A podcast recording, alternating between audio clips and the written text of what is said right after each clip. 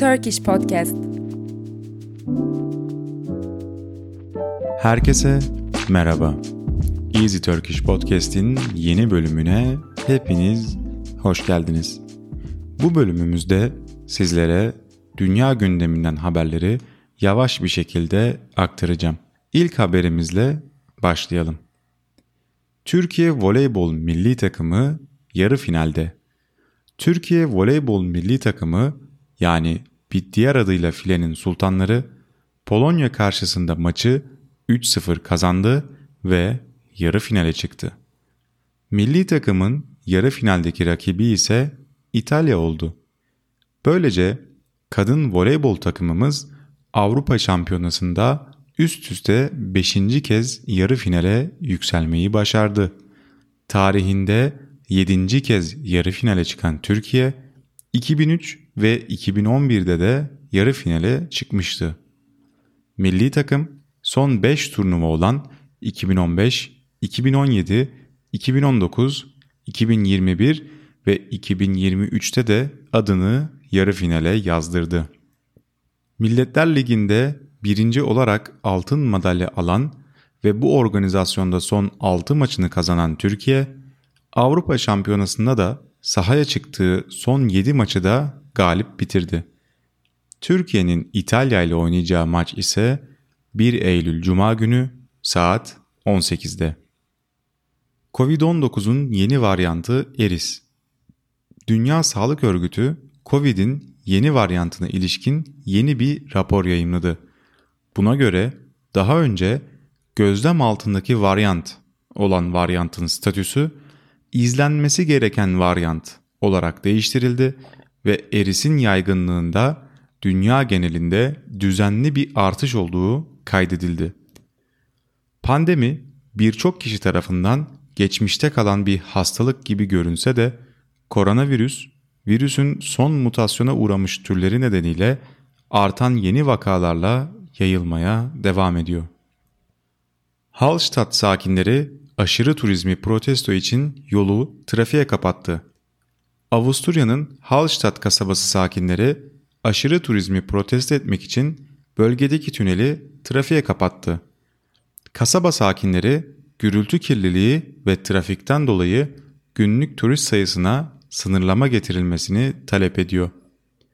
Avrupa'nın en çok turist çeken yerlerinden biri olan kasabanın bazı sakinleri özellikle büyük otobüslerle çok sayıda günübirlik ziyaretçinin bölgeye gelmesinden şikayetçi. Kasaba sakinleri geçtiğimiz Mayıs ayında selfie çekmek için en popüler noktaya ahşap bir duvar dikerek Alplerin manzarasını kapatmıştı. Ancak sosyal medyadaki tepkilerin ardından bariyer kaldırılmıştı. Güney Kore Hava Yolları Korean Air yakında yolcuları tartacağını duyurdu. Hava yolu yolcuların ve bagajların isimsiz olarak tartılacağını, yolcuların tartıya çıkmamayı tercih edebileceklerini de söyledi.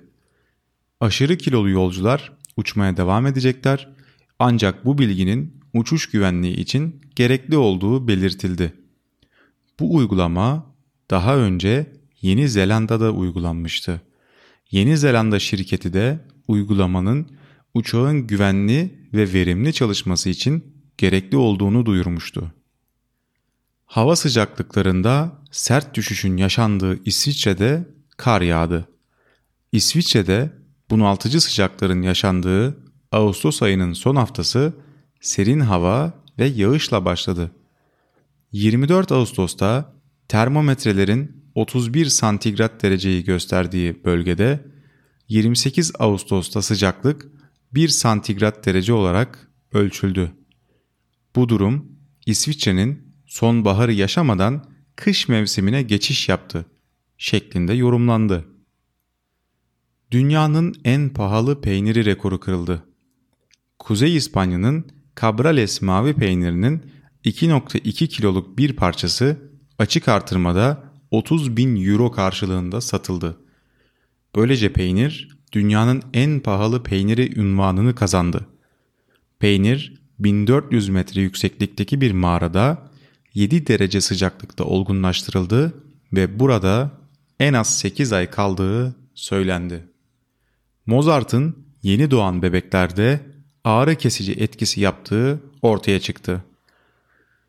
Yeni bir araştırma özellikle muayenelerde canı yanan yeni doğmuş bebeklerin Mozart dinletilerek sakinleştirilebileceğini ortaya koydu. Çalışmayı doktorlarla işbirliği içinde gerçekleştiren araştırma ekibi New York'taki bir hastanede 100 bebeği inceledi.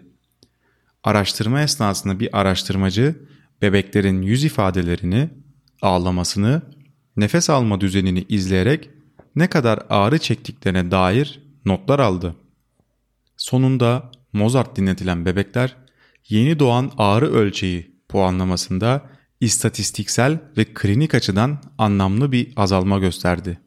Bulgular bazı sakinleştirici müzik türlerinin en genç insanların beyninde bile güçlü bir rahatlatıcı etkiye sahip olabileceğini gösteriyor. Bir Easy Turkish Podcast bölümünün daha sonuna geldik. Bizi dinlediğiniz için çok teşekkür ederiz. Bir sonraki bölümde görüşmek üzere. Hoşçakalın.